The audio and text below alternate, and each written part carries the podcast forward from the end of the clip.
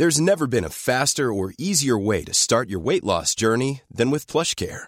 PlushCare accepts most insurance plans and gives you online access to board-certified physicians who can prescribe FDA-approved weight loss medications like Wigovi and Zepbound for those who qualify. Take charge of your health and speak with a board-certified physician about a weight loss plan that's right for you. Get started today at plushcare.com slash weight loss. That's plushcare.com slash weight loss. plushcare.com slash weight loss. There's never been a faster or easier way to start your weight loss journey than with PlushCare. PlushCare accepts most insurance plans and gives you online access to board-certified physicians who can prescribe FDA-approved weight loss medications like Wigovi and Zepbound for those who qualify. Take charge of your health and speak with a board-certified physician about a weight loss plan that's right for you. Get started today at plushcare.com slash weight loss. That's plushcare.com slash weight loss. plushcare.com slash weight loss.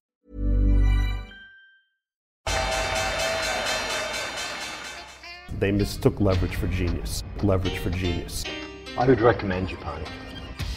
The governments don't rule the world. Goldman Sachs rules the world. Velkommen til en ny episode av podkasten 'Tid er penger', en podkast med Peter Warren. Jeg heter Sverre og er produsent.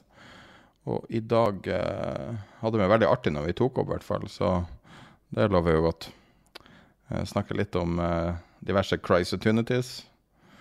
Uh, Peter går gjennom Powell, triste nyheter med Julian Robertson. En lang gjennomgang av oljefondet fra Peter, og en rekke faktorer. Og på slutten så diskuterer vi egentlig en relativt plausibel måte å løse boligkrisa til studenter. Med plausibel så mener jeg ikke så veldig plausibel, men teoretisk effektiv. Uansett, jeg tror det var en ganske artig episode. Da går vi i gang. Det er ingen som har kalt det Black Friday ennå. Black Friday er vel et sånn positivt lada begrep, men uh, det var uh, litt røff avslutning på uka for en del aksjeinvestorer. Ja, og det var jo først og fremst Altså det som, det som satte i gang ballet, det var jo, um, det var jo Jackson Hole og Jerome Powell, altså den amerikanske sentralbanksjefens tale på, på Jackson Hole. Og jeg vet ikke helt hva folk hadde uh, forventet. De hadde forventa Fed pivot. Ja, tenk deg det. Altså, men De forventa mange- en retningsendring fra Fed. Ja, men hvorfor? Altså, Fordi at man, Jo, men, man har lært seg at Fed trykker penger uansett. Hvis du har trøbbel, så redder Fed det. ja, fordi, men det er en ønskedrøm. Ikke sant? Det er en ønskedrøm i den situasjonen vi, vi er i, i nå. Det er en ønskedrøm i forhold til hva som er blitt signalisert til nå. Og Fed er ganske klare stort sett med å, å signalisere på forhånd. Enten gjennom sine egne eh, guvernører, altså Fedbank-sjefer i de ulike regionene, som lekker, i anførselstegn, til pressen, gjerne i weekender. Um, og det er ingenting som har indikert det nå. Altså, og, og vi har gjen, altså, gjentatte ganger sagt at det, det kan godt hende at det eksisterer en Fed-put, altså en put-opsjon, som det har vært tidligere. ikke sant? Altså rett og slett at, uh, at Federal Reserve står klar til å redde deg. Men vi har, har hele tiden sagt at den er way out of the money i forhold til hvor- hvor vi er nå. Så ting må bli mye verre, tror jeg, før Federal Reserve en gang begynner å entertain the thought eh, Det oversetter veldig dårlig til norsk. um, om å, å, å snu. Da må det være fundamentale grunner til det. Bare se på arbeidsmarkedet i USA. Det er ingen fundamental grunn til at det, og Vi kan gjerne diskutere det litt opp og ned, for det er ikke så, um, så strålende uh, som det fremstår. Men det er bra. Men ikke så bra som, som det fremstår når du går inn i, inn i tallene. Men det er likevel veldig sterkt arbeidsmarked. Og da er det ingen grunn til at Fed skulle pivot. Men du kan si at i en tradingdag så tenkte jeg ikke Det var ikke et øyeblikk liksom hvor jeg tenkte på det um, på, på, fredag, for det var store utslag, og det var liksom overalt uh, en, en, stund. Men det mest interessante altså det, Igjen så er det, det er recency bias, og det er egentlig det du refererer til også, på en måte. Det at det har skjedd siden da egentlig 2008-2009, men ble forsterket da i 2011 og 2014, hvor sentralbanken i økende grad kommer inn og, og redder. Og til tross for at de har sagt at nå er det over, så er det håp. Så drives folk av det håpet at det kan ikke være så ille som det er nå. Og det var ganske interessant, fordi jeg så litt i, i, helgen på Jeg må bare se om jeg kan finne de For det jeg skrev Mens du leter, så kan jeg jo si en alternativ forklaring på det her. Ja, kjør i vei. 24. august sa Jim Cramer Jim Cramer expects June market lows to hold and mark the bottom. Ja, det liksom, Du blir jo helt engstelig hver gang, fordi altså, hans treffsikkerhet er så dårlig at, uh, at bare jeg hører det, blir jeg bearish, rett og slett. Men uh, ja, For de som ikke vet hvem Jim, Jim Cramer er, så har han Hva heter det? det Mad Money. Mad Money på, på CNBC ak akkurat. Men du, du, kan si at Altså, hvor ille er det? Altså, sett i, i, altså hvis vi ser nå altså I hvert fall frem til, til, til juni, da, altså hvor vi bundet ut i juni. Altså Hvis du ser på 60-40-porteføljer i USA, altså 60% aksjer bestående av SMP 500, bare for å ta, ta det bredt, så kan du se på 60-40 eh, Altså som hadde kort durasjon, altså der hvor, hvor eh, obligasjonsdelen, altså de 40 prosentene, har ganske kort durasjon. Den var ned 18% 60-40 portefølje. Og bare for, å, bare for å, til, til, sammenligning så var så var, eh, så, så var eh, I finanskrisen så var, det, så, så, var det, så var det ned 19% Så vi var nesten like langt ned som under finanskrisen. Men da starta vel obligasjoner fra et vesentlig høyere nivå? ikke sant? Ja, ja, ja men altså det hvis du hadde he, rentenivå, helt opplagt. Og det, og det, har sammenheng. Det er, jo det, som har, det er jo det som er forklaringen på hvorfor 60-40 har gjort det så dårlig nå. Men 60-40-portefølje, for de som holdt det, fortsatte å holde det inn i dette året, så var det ikke annet enn det vi nettopp snakket om, nemlig recency bias. Det har virket til nå. Men fornuften tilsa at de ikke ville gjøre det videre. Og det fins alternativer til, til, til 60-40-porteføljer, og det er noen som har akkurat uh, kommet ut med en, en, en, studie av det, men det kan vi heller snakke om neste gang. Men i hvert fall, eh, nå, nå snakket jeg om de med kort durasjon. Hvis du tar de med sånn altså mellomlang uh, durasjon, SMP 500 og statsobligasjonen med mellomlang durasjon, så var de ned 18,3% i juni, altså uh, fra, fra, årsskiftet frem til juni, mens den samme porteføljen under finanskrisen var ned 15. Så den var verre enn finanskrisen. Og hvis du tar de med lang durasjon, så var igjen Da var det tilsvarende. Altså de var også ned 18,3% per juni, mens den porteføljen i finanskrisen var ned 8,7 Så det setter ting i litt, litt, i perspektiv. Så og, og, alt det hadde med å gjøre, altså, er at folk bruker recency bias til å De gidder ikke å Altså, det har gått så bra til nå, vi har tjent penger hvert eneste år. Hvorfor skal vi gjøre noe? Hvorfor skal vi tenke nytt? Det er så slitsomt. Vi, har, vi tjener så mye penger. Og det er det som har Og det er den biten hvor man har ikke gjort nytenking. Man har ikke sett ut av vinduet. Du har heller sett i, du har, du har sett i speilet istedenfor å se ut av vinduet når du kjørte. Og så sier jo at det som, er, det som jeg ser i speilet, det, det, er kjempebra, og så kjører du rett inn i en murvegg. Og Det er årsaken til det, og derfor så har liksom skaden blitt større. og Derfor så sitter man nå og håper at dette her skal bli bedre, uten at man foretar seg noe. 'Å, Fed må komme inn og redde meg'. Nei, Fed trenger ikke å komme inn og redde deg. Fed har sagt at de ikke skal redde deg fra der du er nå. Men poenget med denne talen da, til, eh, til Powell, for jeg hadde ikke tenkt å bruke mye tid på den, det er at to, altså på global basis Nå ser jeg over, de, over eh, Og det kan være at det er verre nå fordi det har falt videre i dag, men på global basis ble to milliarder dollar i aksjeverdier borte på åtte minutter. Jeg er sikker på at du mener 2000 milliarder. 2 milliarder er ikke så mye. Nei, det høres, høres altfor lite ut. Det må være 2000 milliarder. Det er jeg helt enig i. 2 milliarder er 2 milliarder, det er jo Nei, det er jo vet, det, er jo det Elon Musk bruker på for det er billion, altså det, det er, Unnskyld, det er billioner på norsk. Trillion ja. på, på, på, Det må det være. Nei, det er bare jeg som gikk, eh, gikk feil i, eh, i, oversettelsen mellom, mellom, mellom, engelsk og norsk. For trillion det heter ikke trillioner på norsk, eller det vil si at det er et høyere tall. Og billioner er det samme som det, Så takk for det. Du har helt mm. rett. Det er, det er, det er litt sånn som i Austin Powers. One million dollars. ja. Men det er i hvert fall to billioner borte på, på, på åtte minutter. Thanks for the sanity check for øvrig. Um, men og hva, hva, er det positive med dette? Jo, det positive er at eh, jeg så på uh, Goldman Sachs sin, sin hedgefond-rapport. Og der viser det seg at i forrige uke, idet man gikk inn i, inn i sist uke, så var det to ganger så mye shorting av aksjer i volum som det var kjøp. Snakka ikke vi om det i forrige episode? At det var uh, høy shortandel? Jo, men, og, men da snakket jeg var det, Jo, det, eh, det, var på, det var på, på, på ulike Det var på olje. Det var på olje. Olje og, og andre råvarer. Stemmer. Dette her var på aksjer. altså så Hedgefondkundene til Goldman Sachs og andre som hadde anledning, de shortet dobbelt så mye aksjer som de kjøpte.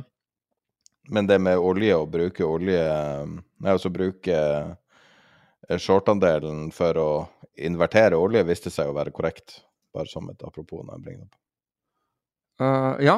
ja. ja, den, var, den, den var bra. Det Men det er litt annerledes med markedswide short og Goldman sin primebook? Ja, ja, ja, ja, ja for, for, all del. Altså, det, det, lå jo andre ting til grunn. Altså, det at det var eh, på det tidspunktet en, en shortandel i, i olje, som, som, som, du refererte til, det var, det var bare en, en støttefaktor til det, til det, egentlige argumentet rundt olje. Nemlig at det at det er mangel på olje, og en stor del av den nedgangen vi har sett, er fordi de amerikanske strategiske lagrene Det har aldri blitt solgt så mye, så stor andel av, av de strategiske lagrene i USA inn i markedet for å dempe prisen. Og det tror jeg er veldig mye politisk, rett og slett. Det hadde mye med, med bensinprisen å gjøre, men nå har crackspreadene kom, kommet inn, så, så bensinprisene kom ned forholdsvis mye mer enn en olje. Og jeg tror det er egentlig det som Biden uh, er opptatt av, mer enn, enn akkurat oljeprisen. Men poenget med, med olje er at det er, at det er underskudd på, på, olje. Og for, å, for, at olje skal gå videre ned, så må, du, så må verden gå inn i en kraftig resesjon. Altså hvor rett og slett etterspørselen faller dramatisk.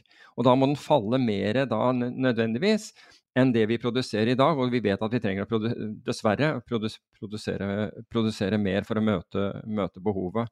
Så det var liksom poenget med, med, med oljeeksempelet.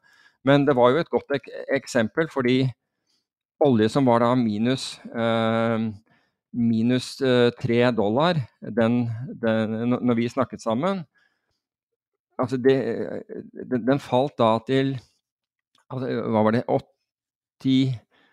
86 den dagen i, um, um, i, på, på, på, Nymex, altså oljebørsen i, i, New York, bundet ut, endte opp på dagen. Og var, var dagen etter så hadde oljeprisen steget 10 dollar fra bunnen. Så, så opsjonspremiene som du kunne, altså det du kunne få Jeg nevnte da call spreads. altså Hvis du kjøper altså vertikalspredder i opsjoner hvor du kjøpte f.eks. 86 calls, uh, solgte 91 call, eller gjorde 100 call, 105 altså Det gikk opp 100 på, på, på, på 24 timer. Det var forrige episode når vi snakka om det. Men hva du syns om den måten vi eh, liksom i sam, sammen bygde opp argumentet, forsterka argumentet. Er det en positiv ting, eller er det en eh, der du eh, forsterker biasen din med å finne andre argumenter? Eh, I ettertid tenkte jeg det, På den ene sida likte jeg det veldig godt at vi kunne sitte og diskutere et tema, og så, og så bygge argumentet, altså forsterke det. Og så, i dette tilfellet, så var tesen riktig, men det kunne jo like gjerne vært galt. Ja, men du, du, kan si at vi kommer jo Altså, vi, vi, kommer inn, og jeg har en idé om dette, og, det er fordi folk syns det var negativt, og jeg ville finne noe som var positivt. og vi hadde ikke snakka om det på forhånd? Nei. Og jeg, ville, jeg ønsket å, å, å, finne noe, altså å ha noe i markedet, for folk syntes vi var for negative på markedet. Nå har det vist seg at det var ganske riktig, ikke på oljemarkedet, men generelt på markedet. Og jeg, jeg føler at vi var ganske innenfor uh, med, med, å være ne negative. Men det er ikke det som er poenget. Poenget var å finne noe som, som jeg mente hadde liten nedside og stor oppside, og, og, og var liksom for, fornuftig, og, og, som man kunne ha som en dette er, dette er positivt. For alle, de, de, færreste det er, de færreste, tror jeg, av investormassen totalt sett går short noen gang. De går long, eller de gjør ingenting. Um, så, og, og, derfor så var, var, dette valget på langsiden. Og så, altså apropos det med confirmation bias, så var det egentlig ikke confirmation bias i utgangspunktet. Vi gikk gjennom eh, noen resonnementer rundt det. Og så melder du på, da, da, Før vi begynte, så var olje ned ca. halvannen dollar. Og mens vi snakker om dette, så faller olje ytterligere eh, to dollar. Så det er ned 3,5 dollar eller noe sånt totalt på dagen. Og det er jo nettopp Du kan ikke si at det er confirmation bias, fordi når, når du nå snakker om det, så har du muligheten til å si å ja, men dette skulle du ikke gjort, og hvis den er ned så mye, så er det ikke. Eh, så, så, er det ikke et, et, tema. Men de grunnleggende faktorene, altså det vi la vekt på, det hadde ikke endret seg. At, og hvis ikke de har endret seg, så betyr jo egentlig en prisnedgang at du får det billigere. Men dersom du finner argumenter som tilsier at det er kommet ny, ny informasjon til markedet, ja, er det ny informasjon til markedet, så må, du, så må du ta inn det og bestemme deg for, for hva du skal hva du skal gjøre med den. Det er bare sånn det er. Men her altså Jeg føler jo at liksom når, når midt i resonnementet kommer at wow, nå, falt, nå er oljen ned tre dollar, så, så ikke det det, det det, blir ikke en confirmation bias, f.eks. Du, du blir prøvet der, for å si det på den måten. Og da blir dine assumptions, altså øh, dine forutsetninger, de blir testet allerede der så er, er de forutsetningene føler du, at, eh, føler du, deg komfortabel med de forutsetningene for, eh, for det syn du har? Eller rokker rett og slett pris ved det? Og pris rokker ikke ved de faktorene som, som, ble nevnt, og da er det ikke noen grunn til å endre oppfatning. Det er grunn til å lure på ok, hva er det som skjer nå? Det er jo greit nok at du, du kan liksom steppe tilbake og tenke det, men du kan like godt steppe tilbake og, og, og tenke herregud, jeg var i ferd med å kjøpe dette for for 2,5 eh, dollar. Nå får jeg den for, for 1,60. Dette er jo det, og nå, nå, snakker jeg om opsjonsbredder, ikke, ikke, oljeprisen. Dette er jo glimrende. Så, um, så, det er egentlig det jeg vil si. Så jeg føler ikke at vi gjennomgikk en sånn en, en syklus av, av confirmation bias. Og spesielt fordi vi ikke hadde snakket om dette på forhånd, som du, som du, nettopp sa. Slik at det lå ikke an til at du skulle støtte opp mine argumenter, eller jeg dine. Det var egentlig Vi, hadde, vi fremførte ulike, uh, ulike, argumenter. Altså basert på ulike, ja, ulike faktorer. Så, men, men, men, man skal alltid lete etter å falsifisere. Det, det syns jeg er nyttig uansett. Så, uh, så, så det om det. Eh, ellers var det triste nyheter fra hedgefondverdenen siste uke. Jeg vet, jeg, vet, jeg vet, ikke hvis du dør når du er 90 år, om det er trist eller ikke. Det, det er jo alltid trist når folk dør, men eh, mer eller mindre grunnleggeren av hedgefond, hedgefond som, eh, som segment, Julian Robertson, døde nå i forrige uke. Ja, han døde da, da, da 90 år gammel. Um, Visstnok noen, noen hjertekomplikasjoner, så vidt jeg for, forsto. Um, men han er en sann legende innenfor, innenfor den, den, verden. Og det er han som startet da Tiger-systemet. Jeg hadde, hadde glede av å møte han en gang, og det var riktignok ved en tilfeldighet, for jeg hadde ikke møte med han, men jeg var hos Tiger. Og Tiger holder til, og antageligvis, ja, jeg regner med at de fortsatt gjør det, i, i eh, adressen er 101 Park Avenue. Jeg, jeg, lurer på om det er Metlife eller noe sånt som har det bygget. Det er rett hva blir det? Det blir rett øh, syd for Grand Central Station.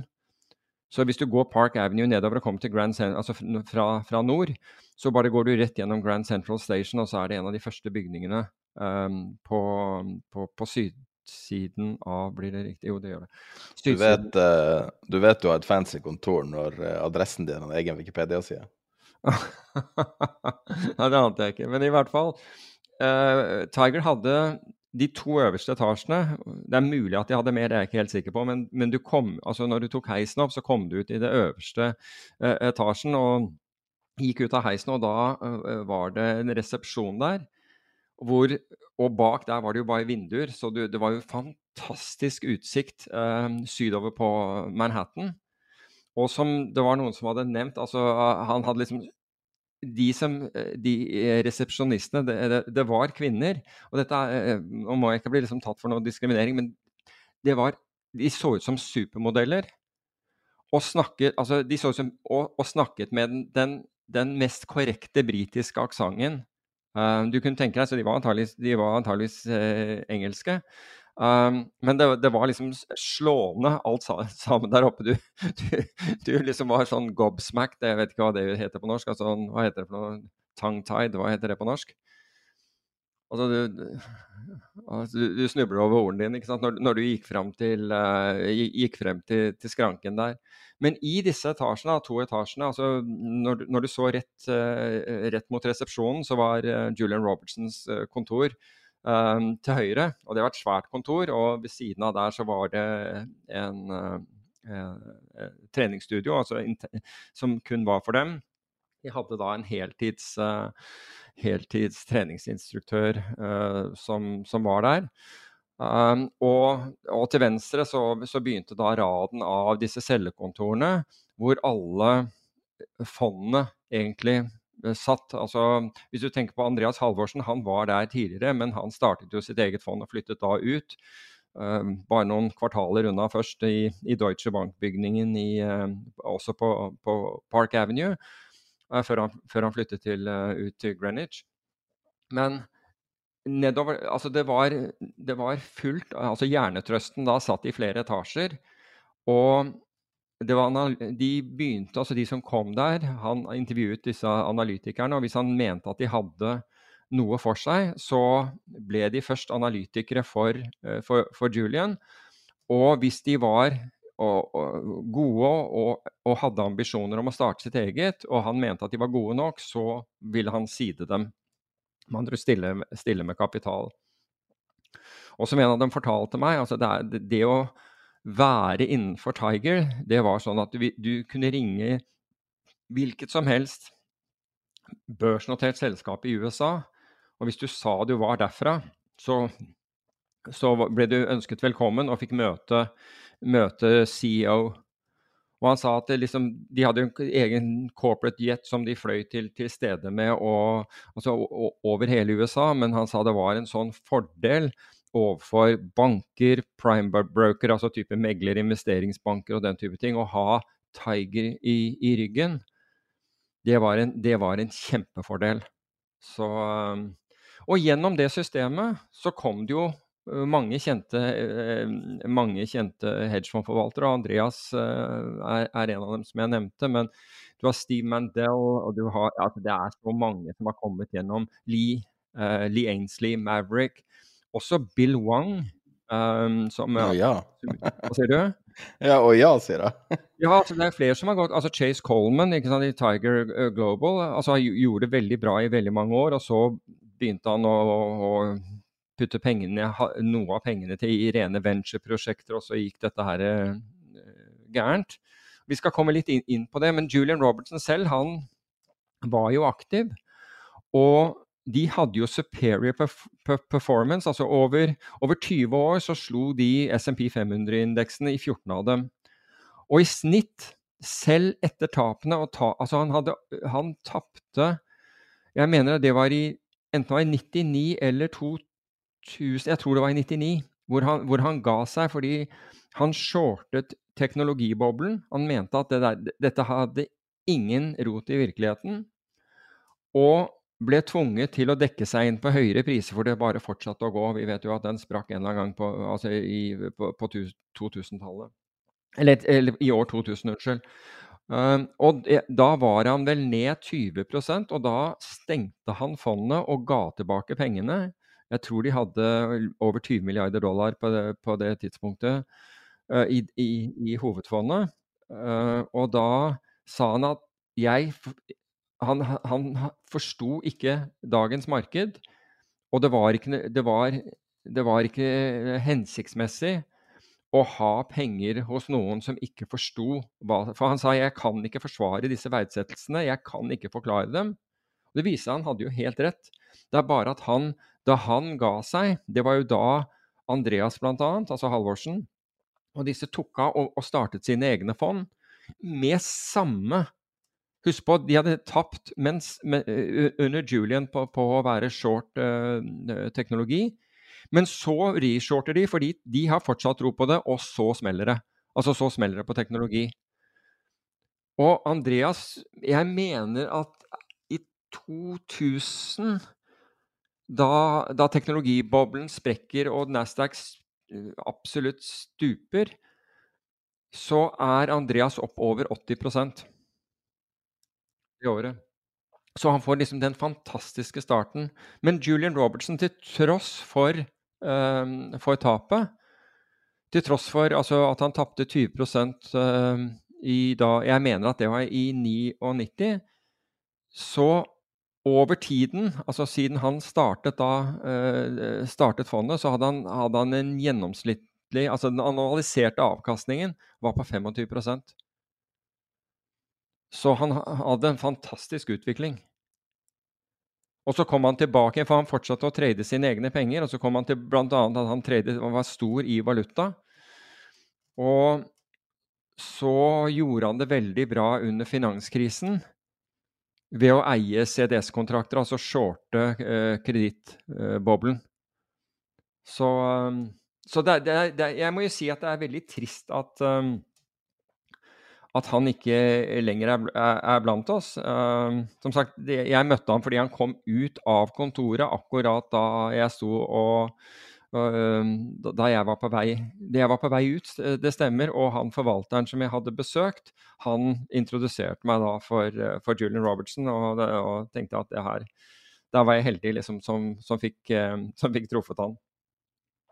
Så en en, en, en, stor mann er borte. Men mens vi er inne på dette med, med hedgefond altså, hvem, altså Hvis du skulle funnet en person i Norge som, som har antageligvis gjort det, gjort det størst på hedgefondsiden Du ville antageligvis aldri komme på det der navnet jeg, jeg, jeg mener, men uh, og det er Hermod Skånland. Den hadde du ikke sett komme. Jeg må se, jeg må se hvordan han så ut igjen. Hermod Skånland han var, jo, eh, han var jo, sentralbanksjef i, i, veldig mange år, altså i, i, i Norges Bank, og, og en, en, byråkrat. Men det, liksom, det, var fascinerende, for vi fikk et spørsmål fra, fra, en av lytterne som vi skal gå gjennom etterpå og, og besvare. Og som egentlig handlet om, om hvis man hadde forvaltet NBIM som, som, som et hedgefond, istedenfor som en long only-portefølje som det er, og, og hvor mye mer man kunne ha tjent på det. Men poenget er at altså, øh, oljefondet altså det blir, blir i, i 74 så foreslår, øh, så foreslår, Finansdepartementet hvordan man skal bruke oljepenger. Og i 1983 så blir det oppnevnt en kommisjon, ledet nemlig av sentralbanksjef Jeg mener han var det på det tidspunktet, men jeg kan ta feil. Hermod Skånland. Og denne, eh, denne kommisjonen, den eh, konkluderer med at man skal starte et fond med Eh, med disse pengene, med, med inntektene man, man, man eh, får fra, fra, oljevirksomheten. Og man kan da bruke realavkastningen til, til dette fondet, altså med andre ord at, at, staten kan uh, få anledning, eller regjeringen om du vil, uh, det er den som beslutter, uh, for, å bruke realavkastningen. Så Hermod Skånland er altså Han leder utvalget, jeg ikke, husker ikke hvilke andre som var i det utvalget, som beslutter dette. Og i praksis så gjør det Norge om finansielt om til et hedgefond. Og når jeg sier et hedgefond, så, så mener jeg i, i, den, i, ordets rette betydning fordi man hedger da eh, den råvarerisikoen, altså olje- og gassrisikoen, gjennom å flytte disse og Til å begynne med så er det jo bare statsobligasjoner som, eh, som, de, kan, som de, kan, investere i. Og det varer, eh, det varer lenge. Jeg tror det er Altså når, jeg husker ikke, De begynner vel å, å skyte inn penger i 96, tror jeg. Og da er det Da dreier det seg kun om eh, kun, Da heter det Statens pensjonsfond. Eh, eh SPU kommer, kommer, senere. Men de, da, er det kun, eh, da er det kun statsobligasjoner. Og i Var det 98, tror jeg. Altså På dette tidspunktet er det jo Knut Kjær som er sjef, og Yngve Slyngstad er aksjesjef i, i dette fondet. Og de beslutter da um, å putte penger i, i aksjer etter hvert. For det, det, er ikke en selvsagthet, det, det, kommer etter hvert. For til å begynne med er det som sagt uh, statsobligasjoner. Og først i 98, og det er jo litt interessant fordi um, fordi eh, i 98 så har vi jo eh, Da går jo Russland konkurs, og vi har LTCM-krisen, og i 97 hadde vi Asia-krisen. Så det har vært ekstremt turbulent. Men, men, men kursene er lave. Så når de begynner med dette, så er det egentlig De, de får anledning til å, til å, kjøpe seg inn mens kursene er lave. Relativt sett lavere. Og i 2000 så inkluderer man Altså man oppretter jo denne indeksen som da fondet skal trekke. I 2000 så blir enkelte av emerging markets inkludert i referanseindeksen. Og i 2002 så blir også noen selskapsobligasjoner um, inkludert i, i, referanseindeksen. Og i 2004 først, da, da, da, da vedtar man etiske retningslinjer. Um, og i 2006 så blir da SP, altså Statens pensjonsfond, de, eh, blir til SPU. Altså da, da, da, hiver man på utland bak. Så kom man til 2007, og da vet vi jo at liksom, da begynner jo GFC, altså The Great Financial Crisis, altså finanskrisen, begynner jo i 2007. Vi bare merker den ikke i Norge før i 2008, i hvert fall ikke på børsen. Da øker man aksjeandelen fra altså For da var vi 40-60. Altså, da var vi altså 40% aksjer, 60% obligasjoner. Da økes denne til 60% aksjer. Og i 2008 så kan man, så, så kan man, ta, så kan man i tillegg investere 5% av kapitalen, den tas fra obligasjonsdelen, i eiendom. Og det skal jo da sies at under finanskrisen altså så lider ikke de av den økte aksjeandelen. For de, har ikke engang, altså de, de, begynner jo å kjøpe seg opp. Slik at fondet er ned 23,3% som er lite i forhold til børser som er ned 60 og, og, og, og mer, altså 50-60% Så er de ned 23,3 fordi de har vesentlig obligasjoner i porteføljen. De har flere, mer obligasjoner enn de har aksjer. Men de kjøper seg da opp i, i, uh, i aksjer. Og på, på samme tid, altså i 98 Jeg må jo si at, at man er modig. Fordi det er de færreste som egentlig tør å si at vi skal øke risiko når alle tror at børsen skal halveres ytterligere, og det blir bare, bare verre. Men her, her, står man fast. Og i tillegg så øker man uh, investeringene mot Altså de inkluderer flere emerging markets i i referanseindeksen. Og da, i 2008, så skjer jo da en ting til, og det er jo at Yngve Slyngstad han overtar som, eh, som, som, eh, som sjef. Så som sagt, man øker da Altså i 2009 så er aksjeandelen kommet opp i, i, eh, i 60% og avkastningen til fondet er 25,6% så de, vi, vi, nå begynner å, begynner å svinge. Så videre går det da til, til 2011, hvor de gjør sin første eiendomsinvestering. Det, det, tar, eh, det, tar, tid, og dessverre så skjer det også noe tragisk i, i, eh, i, i 2011, og det er at Hermod Skånland, da, som, da, eh, som da Han var sentralbanksjef fra 1985 til 1993 for øvrig. Han, han, eh, han Hermod Skånland dør Han døde 16. 16. april uh, i, uh, i, i, 2011. Så og han er egentlig faren til altså På mange måter, altså i hvert fall sto bak veldig mye av dette. Og den tanken som gjør at du flytter risiko, du diversifiserer risikoen vekk fra olje og gass til kapitalmarkedene. Og det har jo virket til de grader. Så, og så øker man uh, i, i, 2012 så øker man uh, emerging, emerging markets-andelen til, uh, til, til 10 og de kjøper eiendom i 2013 kjøper de eiendom i New York, Washington DC og i Boston. Så mye skjer her, altså. My, mye, mye, mye, mye, skjer underveis.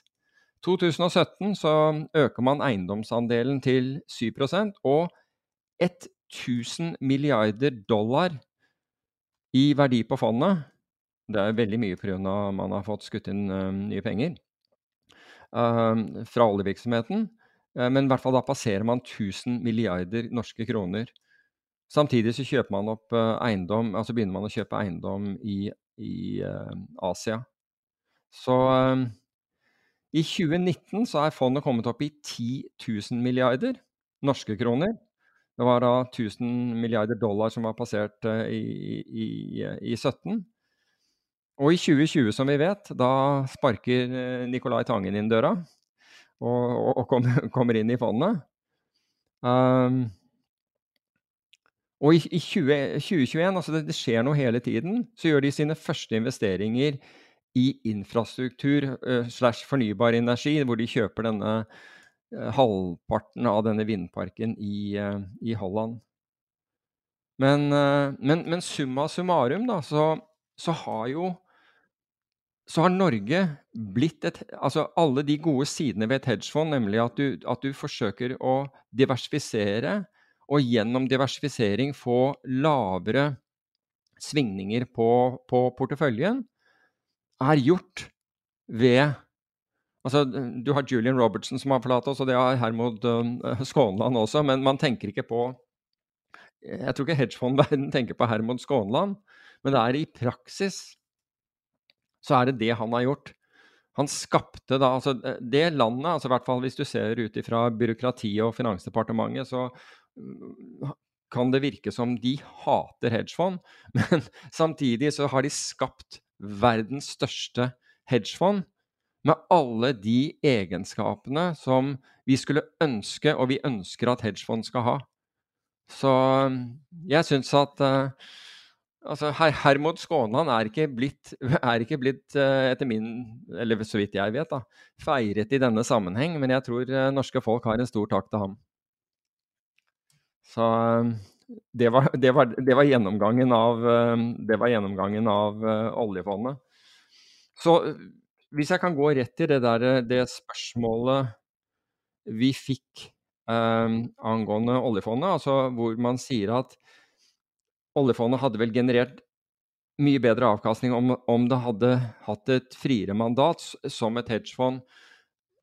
Da hadde det, det, kan hende.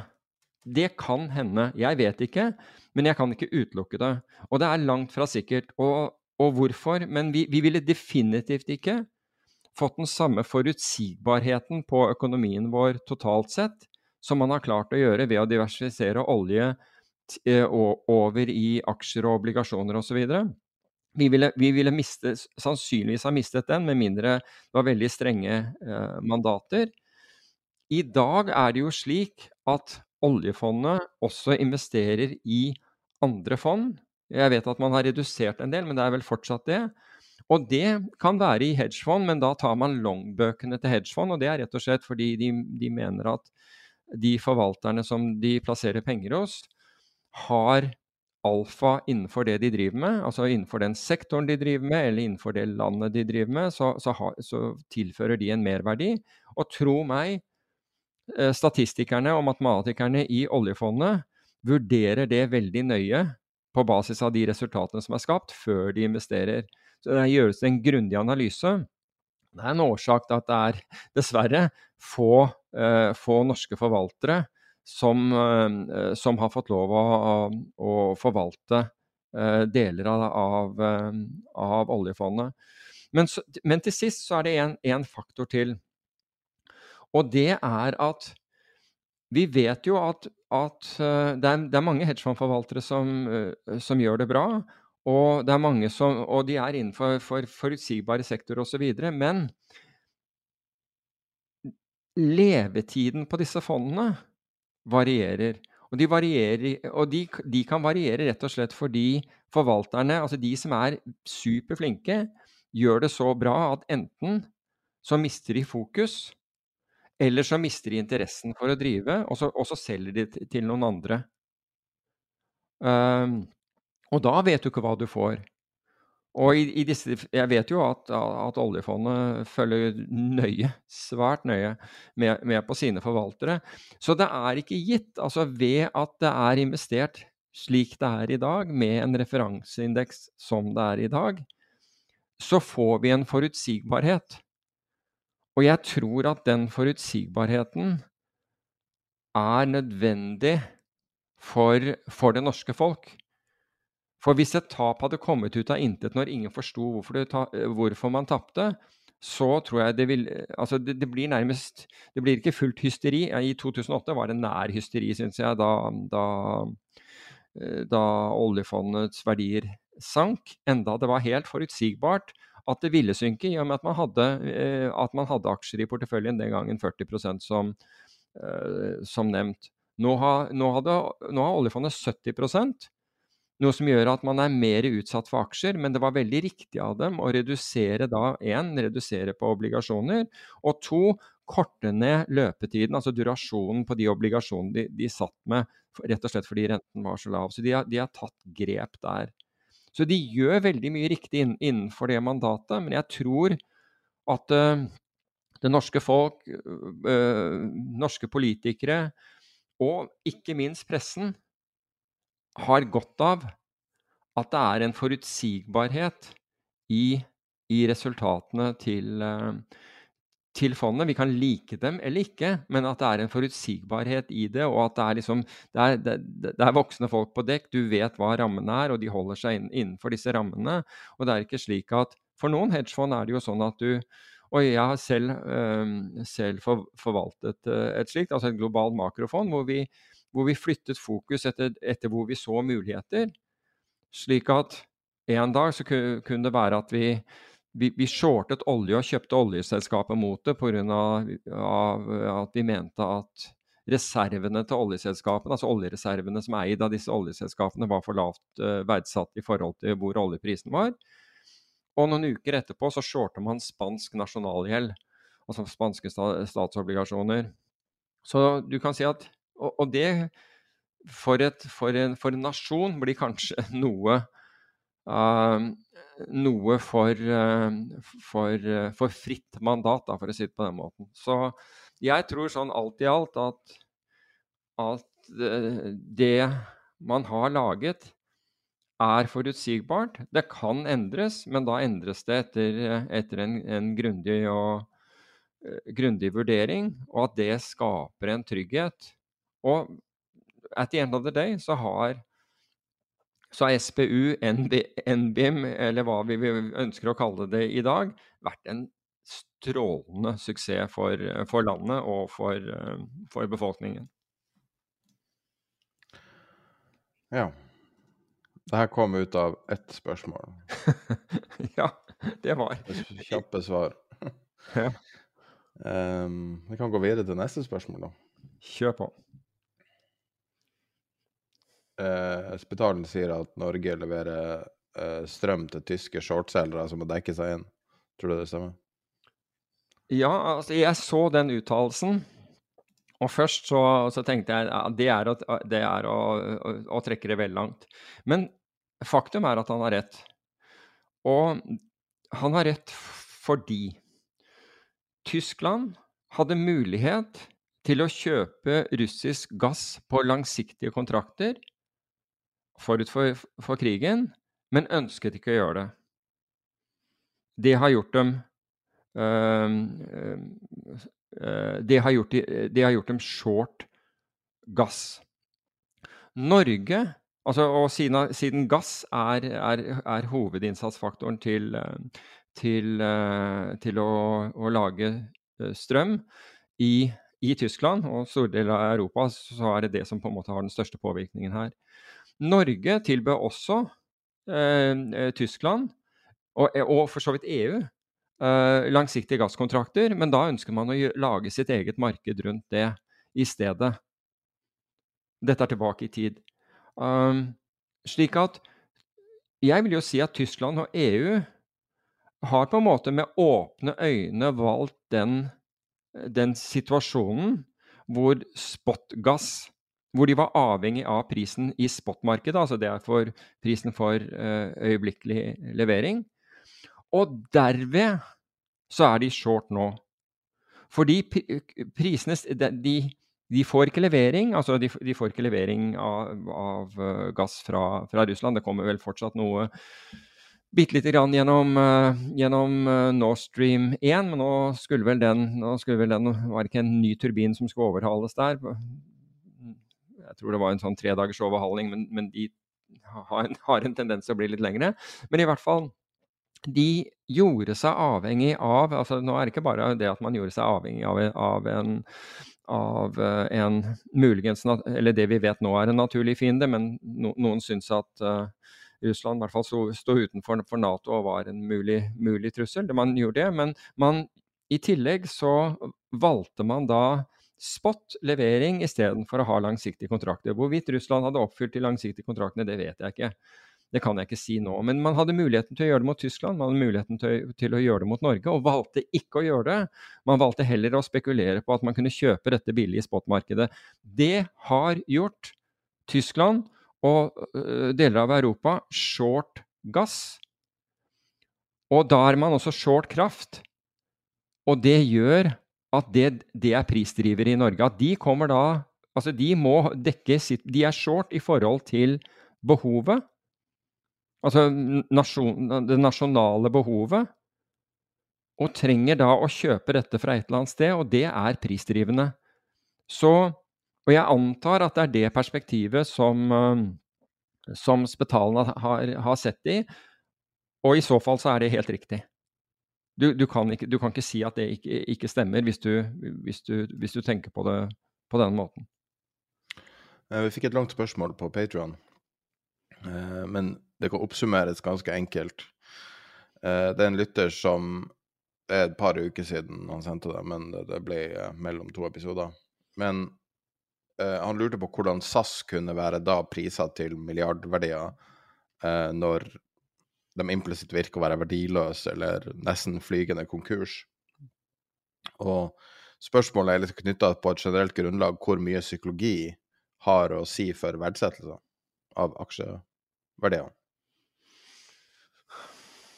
Ja, du kan si at det, det Altså er det merkevaren som Er merkevaren ja, verdt milliarder? Liksom? Du kan si Norwegian var i samme situasjon. Um, og du kan si at det kan være psykologi. Nå, nå har ikke jeg sett på muligheten for å låne SAS-aksjer og, og, gå short. Um, men i Norwegians tilfelle så inndro man alt shortsalg på grensen av mark markedsmanipulasjon, etter min oppfatning. Rett og slett fordi man ikke skulle selge dette ned til der hvor emisjonen måtte, måtte foretas. Og så hadde man illusjonen om at prisene var mye høyere enn de var. Man stanset altså Alle som da hadde lånt ut uh, aksjer til shortsalg, altså de, enten de, de var uh, Altså, du, du, fikk ikke mer, altså, men det ble trukket tilbake en vesentlig del av, av den, den andelen av folk som er smarte og, og, og hadde en vested interest i, i, hva som skjedde med Norwegian. Så du kan si at de ja, trenger ikke å, å, å, gå inn på den. Og, og marketmakerne nektet å stille eh, priser på opsjoner, slik at de som skjønte dette, og de som var klar over at den, prisen var for høy, de kunne ikke utnytte den. De kunne ikke da du, og dermed så, så, fikk du ikke markedskurs. altså Du fikk ikke egentlig en markedsbestemt kurs. Fordi det var ikke Altså, de som da så at dette var vesentlig overpriset, og normalt sett ville ha solgt dette ned, slik at de ville drive prisene nedover mot fordi de, du kunne si at de kunne selge hele veien ned til emisjonen og, tenne, og tegne seg emisjon eller et eller annet sånt. Men du mener det var overprisa, da? Til de grader. Til de grader, og det De har 6000 ansatte, da. ja, De har eh, sikkert hundretalls av slåtter og ruter, og eh, det har jo hver de tingene. du, altså Norwegian hadde, rute, hadde slåtter, men de slåttene sto som sikkerhet for lån. Ja, men nå tenkte jeg SAS. Ja, ok, nå, nå var jeg på Norwegian for å bare ta et analogt eksempel. Men det er ganske likt eksempel, Ja. Og, men jeg, har- jeg, har ikke, jeg har ikke studert SAS, og jeg vet ikke om det er mulig å, å gå short og, videre. Men det er helt klart krefter der ute. Altså, det er ikke bare det at, at folk drømmer ikke, eller ikke følger med i timen. Men i hvert fall i Norwegian var det helt klart krefter som holdt kursen oppe, som gjorde alt de kunne for at, at denne kursen ikke skulle, skulle komme ned til der den, der den matematisk burde være. Jeg kan ikke si det samme for SAS, for jeg vet ikke, men, det, men Norwegian er et, er et veldig hendig eks, eh, eksempel å trekke inn når, når, når jeg leser at, at SAS-aksjen er insanely overpriced i forhold til eh, underliggende verdier. Men hvis du ser på, på DN, da, Dagens Næringsliv, er jo veldig fokusert på eh, aksjen Kahoot. Og, og hvis du tar, tar bare, Nå tok jeg bare en annen populær aksje, helt tilfeldig valgt, og den har nevnt i en tidligere episode. Det, det kan like gjerne, jeg kan ta noe annet også, men eh, spørsmålet, sånn som jeg forstår lytteren, er også hvordan priser man et selskap? Og om det er SAS eller Kahoot, eller, eller om det er Exxon Mobil, er psykologi en faktor? Ja, selvfølgelig er psykologi en faktor her. Og, men den, den, altså jeg tenker jo at psykologien er en faktor for de som, som ikke følger med i timen. De som følger med i timen, de regner på det, og så sier de at vet du hva, her er, altså for eksempel, jeg har, jeg har ikke studert SAS, så det jeg sier om SAS uh, nå, det, det må betraktes som helt generelt. Fordi jeg har, ikke, jeg har ikke sett. Jeg har sett påstanden om at den er, at den er vanvittig overpriset.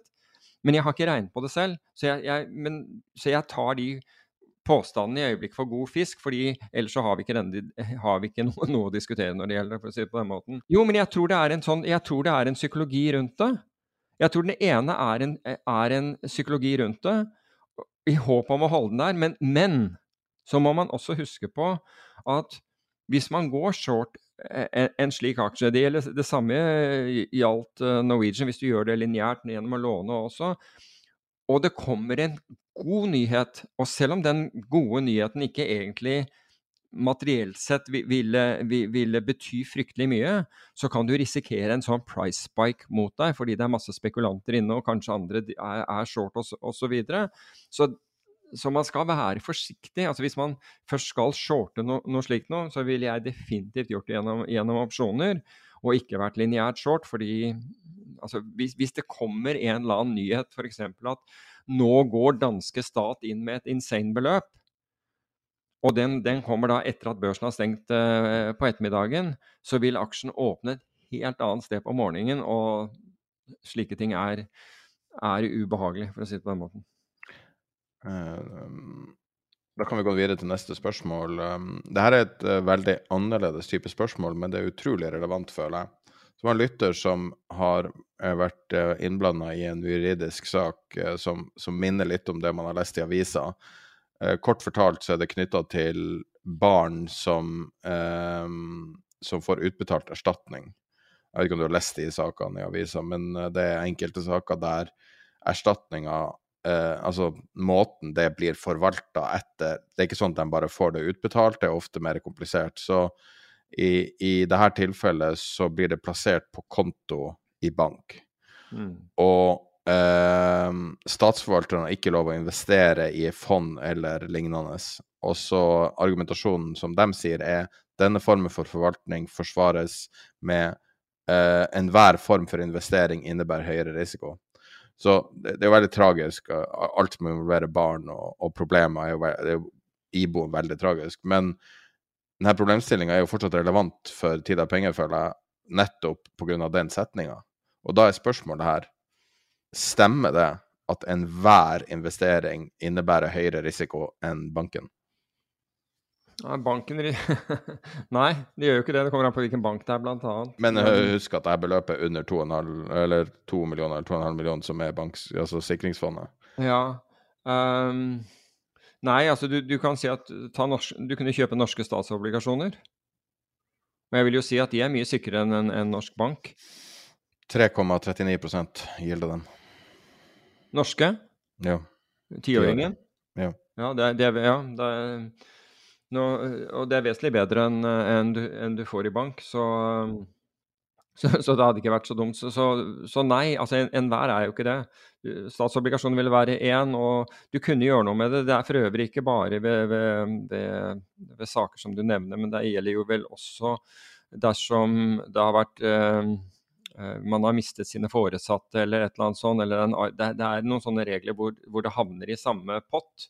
eh, og, og ikke bli forvaltet. Men du ville jo tro at hvis disse pengene skulle utbetales altså når, når- du tenker på alle de argumentene som, som fremføres for, eh, for hvor sikkert det er å investere i forskjellige aktiva over en tid, så ville du kunne ville du tro at dersom du hadde en tidshorisont på 10-15 år, at disse midlene kunne, kunne vært noe mer aggressivt eh, Og nå, mener jeg ikke aggressivt, men noe mer altså, At det kunne vært investert på en måte hvor sannsynligheten var ekstremt høy for at, eh, for at avkastningen ville bli bedre. For i bank Altså bankene øker, øker eh, rentemarginene sine, altså marginen mellom, mellom utlån og, og innlån. Altså, du ser jo at eh, utlånsrenten går rett opp, og det er nesten ikke bevegelse i innskuddsrenten.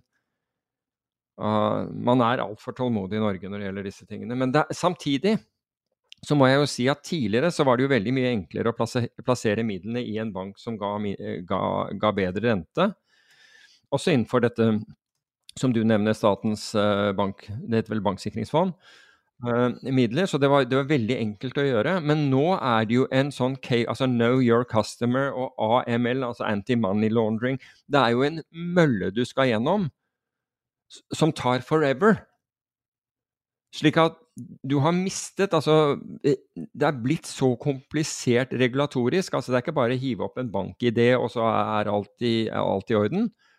Nå er det så komplisert og så omfattende å, å få åpnet en konto et annet, altså, et annet sted at, at folk orker ikke. For tidligere så var det jo sånn at uh, du kunne se på oversikter over de bankene som ga høyest um, innskuddsrente, så kunne du flytte pengene dine dit. Så hadde du den der i Mener du at det er blitt så mye vanskeligere? Jeg vet at eh, jeg har vært med og starta noen bedriftskontoer opp igjennom, og det er jo ofte eh, komplisert, litt avhengig av hvordan man strukturerer det. Men det er jo ofte veldig komplisert og ganske dyrt også. Uh, mens privatkonto har opplevd at Altså, jeg, jeg bare hører fra, fra, fra folk som, som, som har forsøkt å gjøre dette her, og de sier liksom er, du bare orker ikke. Men det har, det har du jeg tror du må skille mellom størrelsen på det.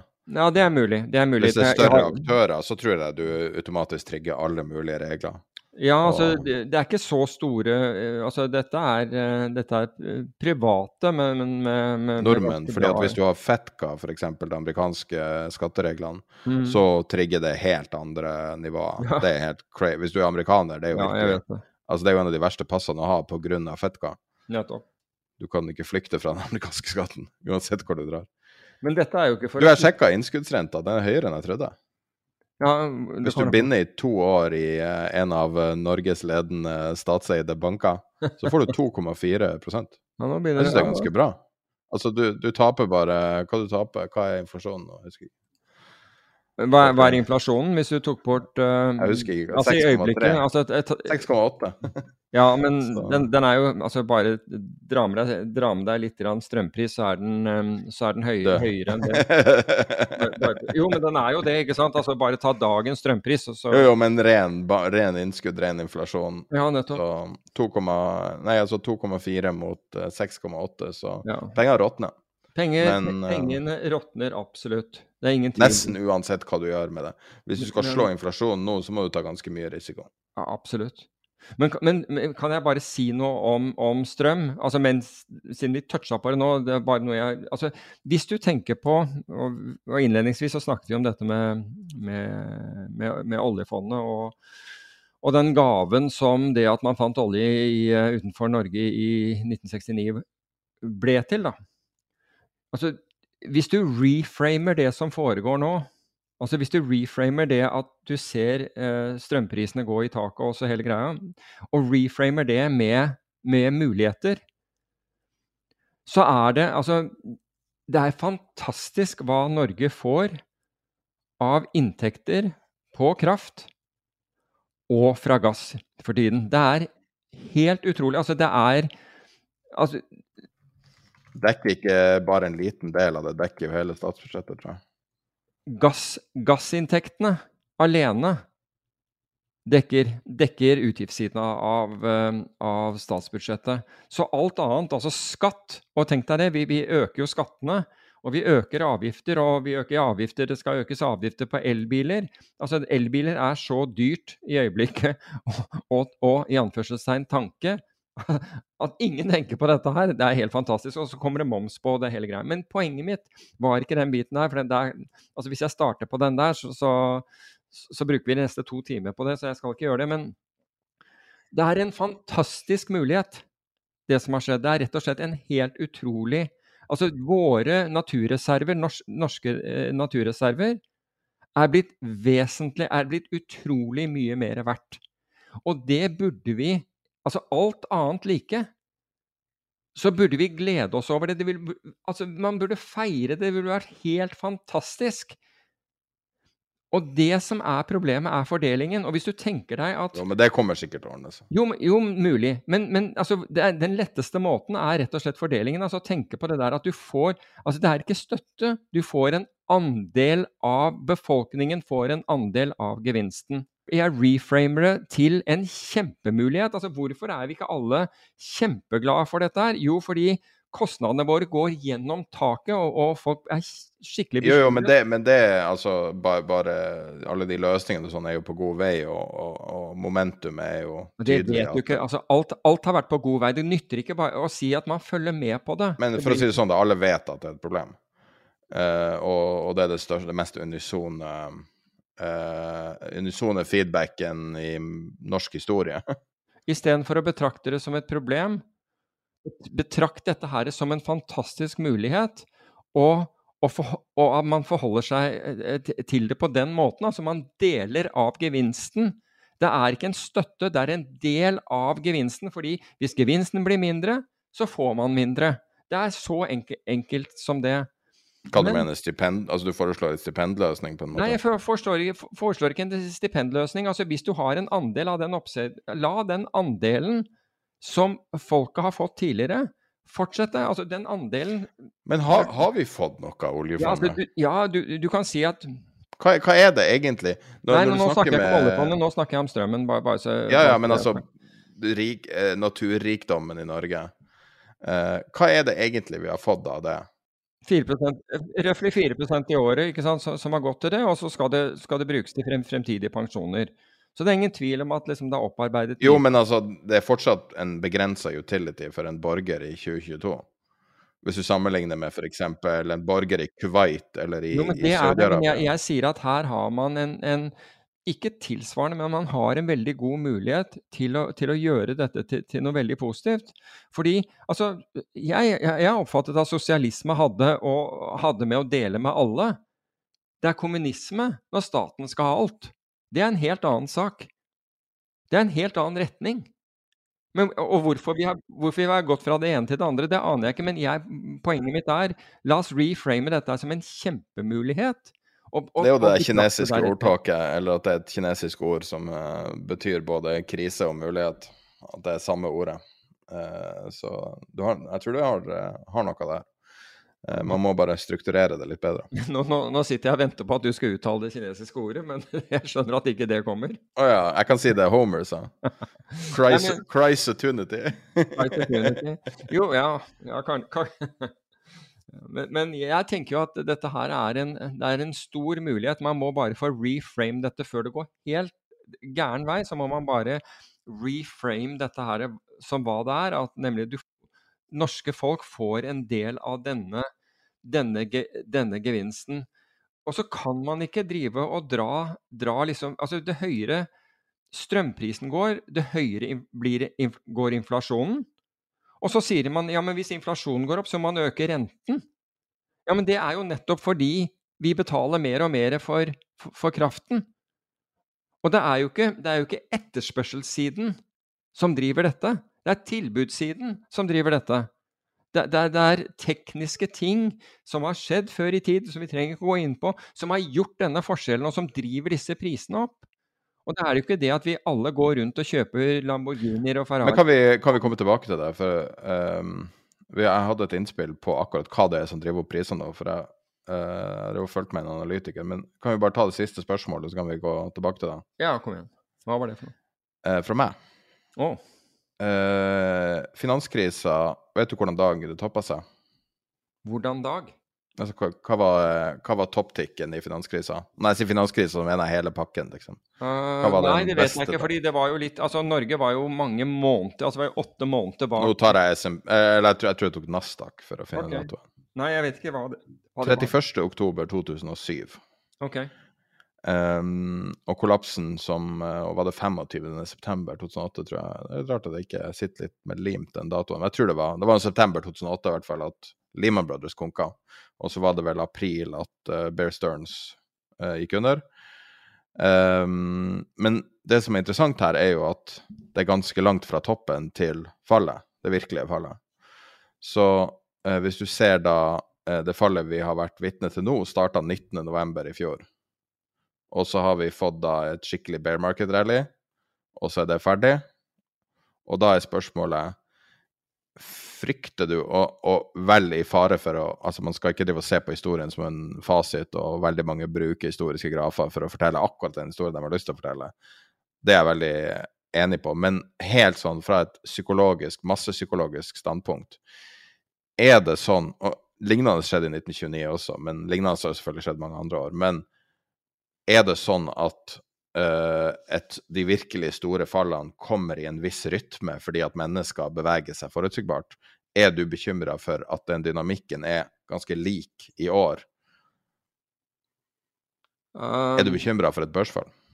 Ja, så, ja, det er jo alltid. Um, og, og, det var jeg forut for, um, forut for det, den biten vi, vi ser nå.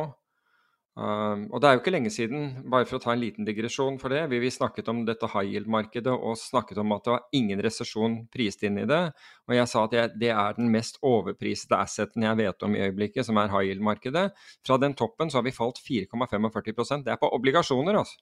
Yield, altså amerikanske high yield-obligasjoner, og det var de vi, vi uh, refererte til. Men uh, Altså, Ralph Nelson Elliot, som da var eh, grunnleggeren av det som senere ble kalt The Elliot Wave og The Elliot Wave Theory, han fant da en rytme i, i, i markedet. Og denne rytmen er også basert på øh, altså Størrelsen på disse bevegelsene er bl.a. basert på Fibonacci-tallene, altså Leonardos uh, Fibonacci, den, den, italienske matematikeren, sine, uh, sine tall.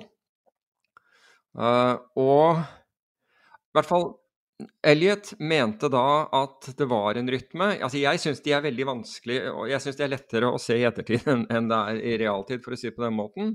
Hvor du hadde først en, en bevegelse, la oss si at i tilfelle en, en, nedgang, det er akkurat det motsatte for en oppgang.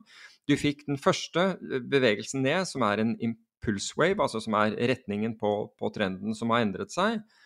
Og så fikk du da en sånn sikksakk som besto av en topp, en bunn, en ny topp, altså sånn tre, B, ABC, før bølge 3 eh, dro til nedsiden, og bølge 3 kunne aldri være den minste. Den var som regel den største og vesentlig større enn de andre bevegelsene. Og da Og det var i bølge 3 hvor den virkelige frykten kom. Og så fikk du en korreksjonsbølge 4 før du før du gikk ned i en bølge fem, som da avsluttet nedgangen. Jeg har en, en, venn i USA som er ekstremt uh, fan av dette og, og, og også selger det som en, uh, som en tjeneste. Men, men, poenget er at det, det finnes jo mange som mener at det er en, en, ja, en bølgeteori bak det. Og Ralph Nelson Elliot er vel den som oftest eh, Altså Elliot Wave Theory er vel det som oftest refereres, refereres til. Mens det jeg vil si, er jo at basert på, basert på bl.a. utviklingen i volatilitet under fallet som vi hadde som kulminerte, altså som stanset i, i juni, så økte ikke volatiliteten, altså øh, opsjonsprisene, altså det hoved, øh, hovedinnsatsfaktoren, om du vil, for, for, opsjonsprising, økte ikke så mye som det skulle og som det er gjort historisk. Med andre ord, det var ikke nok frykt i, den, i markedet på, den, på, det tidspunktet. Så til tross for at man falt da 17-18 um, eller over 20% unnskyld, over 20 det var vel 27 eller noe sånt for, eh, for eh, Nasdaq, men det var over 20 også for SMP 500. Eh, så var det ikke den frykten som vi normalt har sett. Og uten den frykten så, så kan man argumentere for at det ikke er over. Men om hvorvidt vi nå altså, Folk er for complacent. Og det, og det, du, inn, det du, innledet med um, uh, i dag, nemlig at under den talen til Powell så ventet man på en Fed pivot, understreker det. Det bare gir meg mer, mer si, kjøtt på beinet på akkurat den delen av, av teorien, er at folk var alt Altså, de, de, sitter der fortsatt og tror at Fed skal, skal redde dem. Og det, det, det, betyr for meg at liksom, i hvert fall sannsynligheten øker. Jeg aner ikke hvor høy den sannsynligheten er, men sannsynligheten er høyere, syns jeg, når jeg hører at folk ikke tar dette her på alvor. Og selv om de er stresset, og selv om de har eh, selv, om, uh, selv om de har fått margin calls og måtte møtes, så, så, er de egentlig ikke bekymret fordi Federal Reserve kommer Altså, før før ordentlige nedganger er over, så har de vasket ut den type investorer. De er borte. De tyngst belånte har ikke bare kunnet låne seg opp mer penger og bli sittende, fordi alle har tro på at ja, dette kommer tilbake igjen. Da er det sånn at banker ringer og, og, og selger dem ut av, av, av, markedet brutalt. Og det har vi ikke sett. Men vi ser det en plass. Hvor da? I gassmarkedet. Ja, altså, og, men, gass... men kan vi, kan vi ta, bare snakke bitte litt om gassmarkedet som et fenomen? fordi at Jeg vet at det er et proffmarked, og at det sånn sett er litt andre strukturer. Men jeg satt og leste analyser i dag morges og prøver å få grep på det her. fordi at uh, For min personlige del så har jeg vært ultra-bearish med tanke på at Tyskland kan gå i svart. Det har vært min utgangspunkt. da. Og hvis det går i svart, så vet man ikke hva som skjer. Altså at, uh, at strømmen går. Men, ja, men det er jo ikke noen grunn Altså, på dagen Men, men bare, bare, for å si det, bare for å fullføre det.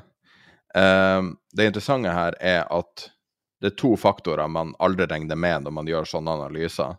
Og det er jo noe som er kjent i, um, innenfor, uh, innenfor, grønn energi.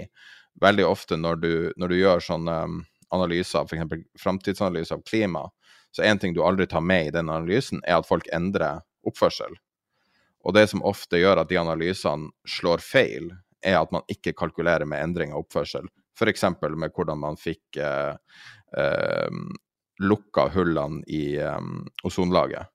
Eh, fordi at, at man endra reglene og endra oppførsel. Eh, og så ser man nå på Tyskland, så tenker man at tysk energiforbruk er statisk. Og så leste jeg en kommentar i dag uh, på Twitter fra en forbruker som sa, som jeg syns oppsummerte det veldig bra we're about to see the largest unplanned experiment in behavioral energy efficiency in the history of energy markets. Mm. Og det er jo helt riktig. At uh, Tyskland har jo allerede kalde dusjer og kalde hjem. Uh, og de har, de har, begynt å gjøre tiltak allerede nå. Og analyser tilsier at det har større Altså det er tre ganger viktigere for Tyskland å endre oppførsel for å, å holde på strømmen enn det er eh, å fylle opp lagrene. Sånn at eh, det forbrukerne kan gjøre, og det selskapene kan gjøre, og det, eh, det de store industrielle selskapene kan gjøre, har større betydning. Og det syns jeg var en ganske interessant eh, ref korona.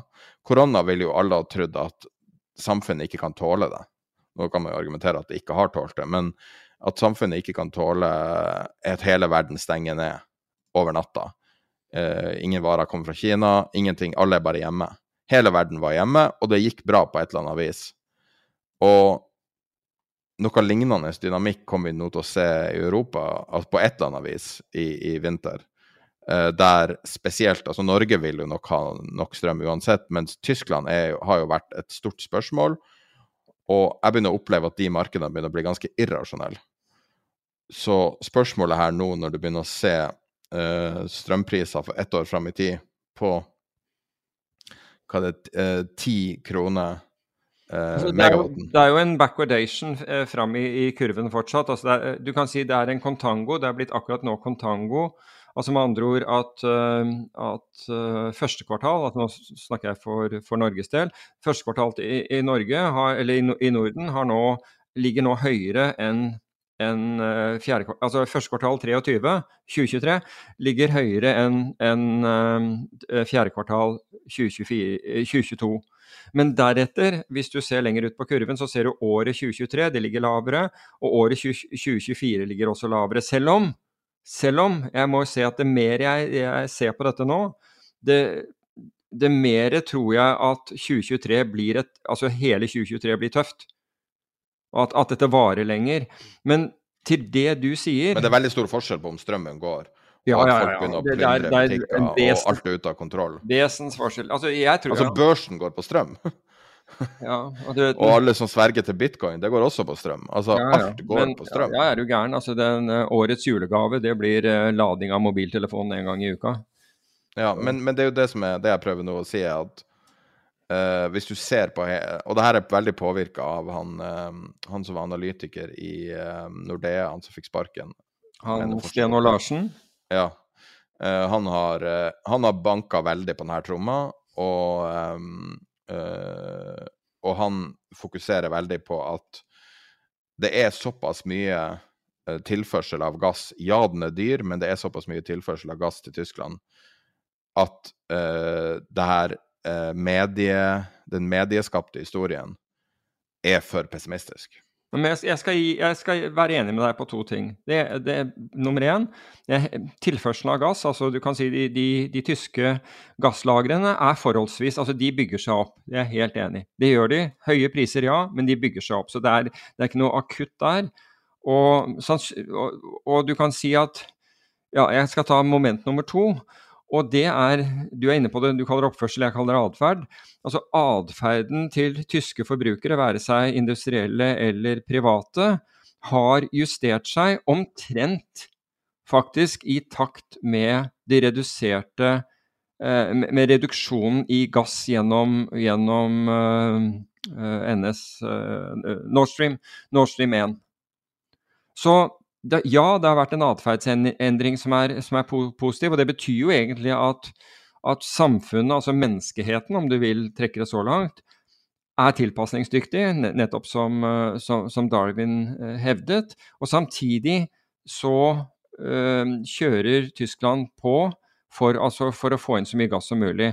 Og som vi vet, altså Forrige uke så steg europeiske gasspriser med 40% Jeg kan glede med at eh, i dag morges var de ned 16 så Ja, nei, jeg, jeg tror at det her, altså, den, jeg, jeg tror 100 på den analysen at det har har gått for langt. Ja, men poenget, men problemet, altså markedsmessige problemet her, det er jo at altså du, du har produsenten av gass og de som kjøper gass, men andre aktører som har vært naturlig i det markedet, i gassmarkedet, for å skape et best mulig marked, og kanskje også mer riktige priser, om du vil, de har ikke kunnet delta i markedet, eller veldig mange av dem har ikke kunnet delta i markedet, for det er rett og slett for dyrt i forhold til sikkerhetsmarginer.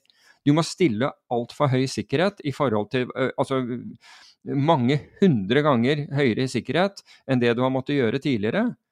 Og det har utesluttet en del aktører som kanskje hadde bidratt til en mer korrekt prising, la oss si lavere prising, av gassmarkedet. Og det samme problemet har du i kraftmarkedet. Det nordiske kraftmarkedet. Og forskjellen mellom systempris, altså den Nordpol-prisen, og områdeprisene, f.eks. i NO1 eller 3 eller, eller, eller, hvor det måtte være, det, altså, er så stor at du kan ikke bruke vanlige Nordpol-kontrakter for å hedge den. Og det er syltynt volum.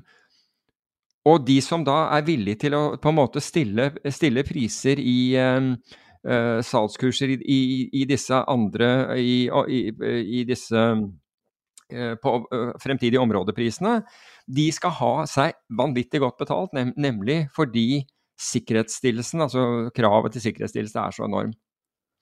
Har du noe erfaring med de gass-ETF-ene? Nei, ikke i det hele tatt. Altså, jeg har veldig lite ETF-erfaring. Altså, jeg handler stort sett futures når, når, jeg, når, jeg, gjør ting.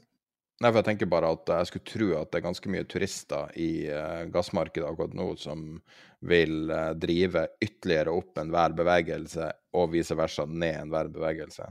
Og så når du ser på avkastninga hittil i år, så vil jeg tro at det tiltrekker seg ganske mye uh, folk som vanligvis ikke er interessert i naturgass. Ja, altså du kan si det som jeg Jeg tror altså turistene, i anførselstegn, er kanskje de trendfølgende fondene. Og trendfølgende fond har gjort det ekstremt bra i år. Og noen av dem, svenske Links bl.a., er vel opp godt over 40 45 eller et eller annet sånt. Um, og de, eh, de diversifiserer sine porteføljer. De, de, har i olje og gass, de har i alt mulig. De har aksjeindekser, de har i alle typer råvarer, naturgass eh, inkludert. Uh, så du kan si at du kan kalle disse turister om du vil, fordi de har ikke gass som sitt spesialfelt. De har, de har matematikken bak uh, momentum og trender som beslutter, altså som, som foretar uh, investeringsbeslutningene deres. Så på en måte er de turister i dette, i dette, markedet. Men det mer volatilt disse markedene er, det mindre posisjoner har de. så at the end of the day så, men, men det er klart at når alle går inn f.eks. og kjøper norsk kraft på, på, på Nordpol, øh, europeisk gass i, i, i, i, Holland eller UK-gass øh, øh, naturlig nok i Storbritannia, så er det klart at det får en effekt. Det får en effekt på tilbud og etterspørsel, for disse fondene er multimilliard dollar store. Så, så ja, de, de, har nok en effekt. Men hvordan, hvordan, det er når det gjelder Jeg tror de, de altså, samlet sett er vesentlig større enn en ETF-ene som er der. Så reverserer disse markedene, så vel, da reverserer også disse modellene, og da, da går de ut. Og jeg vil også anta at når, når når uh, utviklingen i gassmarkedet har vært så eksp eksponentiell som den har vært, så vil nok bare pga. den akselerasjonen, altså når det, når det går når det, til, når det, går rett til værs som en F-35, altså da vet du at et eller annet sted ståler du. Eh, så da begynner de å ta, ta risk av bordet. Så, men hvis de plutselig må, må ut, så, så, vil du nok merke det den andre veien på, på, på, på prisene. Skal vi ta noe helt, helt annerledes. Kjør på. Har du noen uh, nye tanker om kunstig intelligens, maskinlæring osv.? Nei, jeg har, jeg har, ikke noen nye tanker om det. Har du noen nye opplevelser med kunstig intelligens? Nei, jeg har egentlig ikke noen nye. Altså, du kan si at det jeg opp... Altså, det mer jeg ser på det, det, det mer komplekst må jeg jo si at det er. Ta og, Kan ikke du ta Jeg vet ikke om du kjenner til det, det er veldig mange lyttere vet nøyaktig hva jeg snakker om nå, men jeg vet ikke om du kjenner til det. Eh, ta og Si en frase til meg. Et eller annet du tenker på. Noe du eh, er naturlig opptatt av. Gjerne noe Et eller annet. Boligmangel for 6000 studenter i Oslo. OK, vent litt. Jeg har løst den, og jeg brukte ikke AI. Ja. Skal vi se Da tar jeg i bruk Dale Mini. Altså uh, Funker det på norsk? Da prøver jeg en på norsk og en på engelsk her, for å se. Så nå skal jeg lage um, et uh, bitte lite kunstig intelligens-eksperiment her. som veldig mange gjør.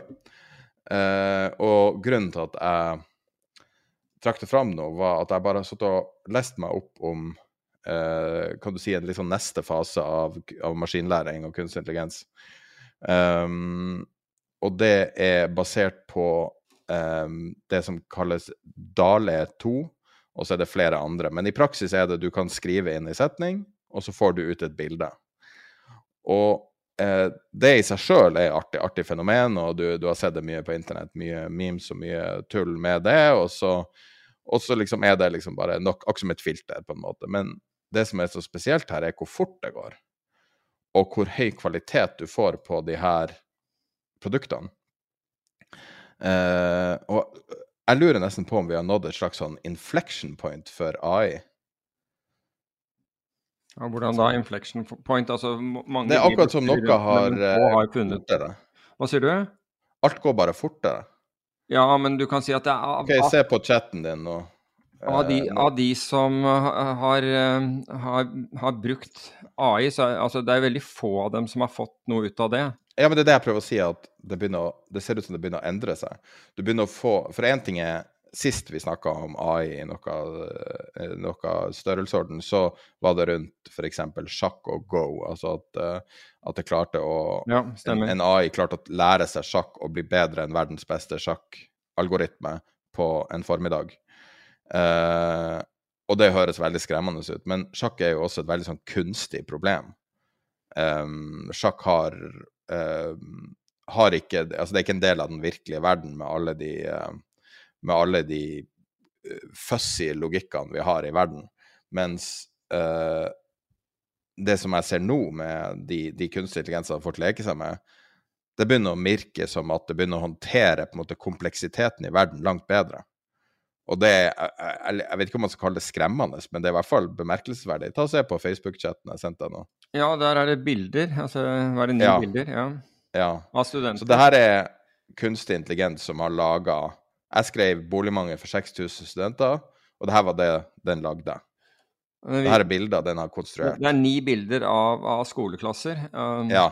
Jeg vet ikke om den akkurat løste det, boligmangelen med det, men eh. Nei, det, det, var ikke det som var poenget. Poenget her var å vise at for første gang som jeg har sett, så har eh, kunstig intelligens laga noe.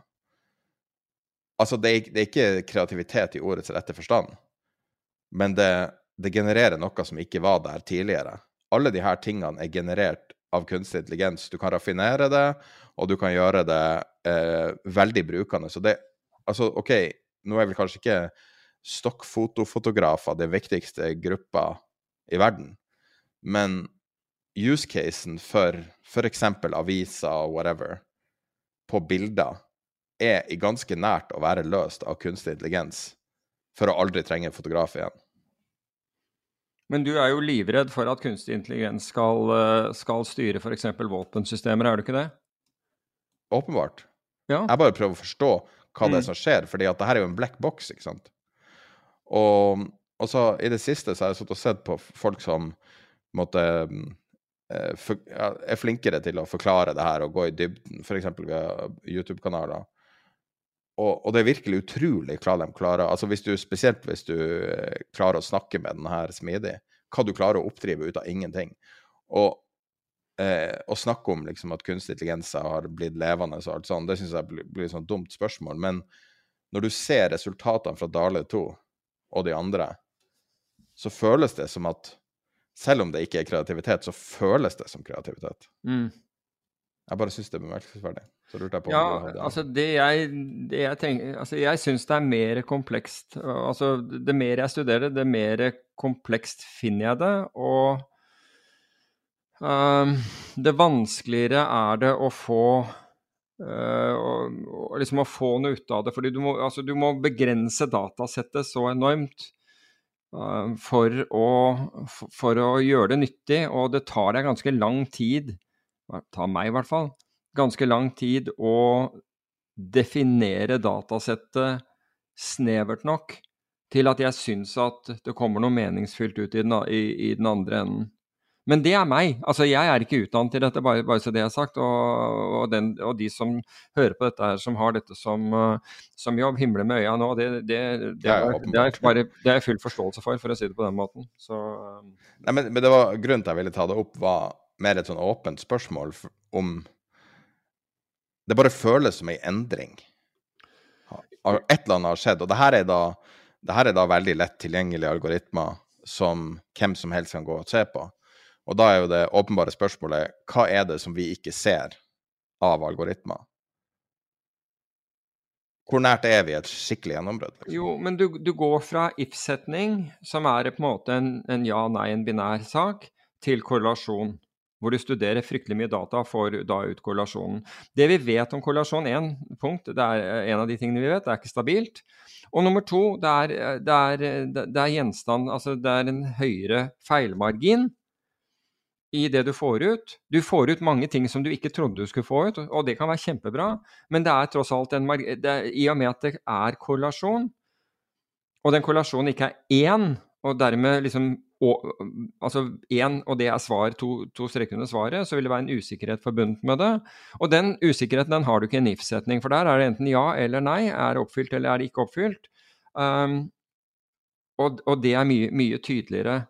Så Altså, det er helt opplagt at AI og, og, og subsettet ML kan, kan, kan, finne ut masse ting som Men, men det, er, det, er, rett og slett som, som de sier, forvalterne i Volian, altså MIT uh, ja, Det er ikke MIT, de, de, ligger ved siden av MIT, men de har jo vært professorer der, noen av dem i hvert fall.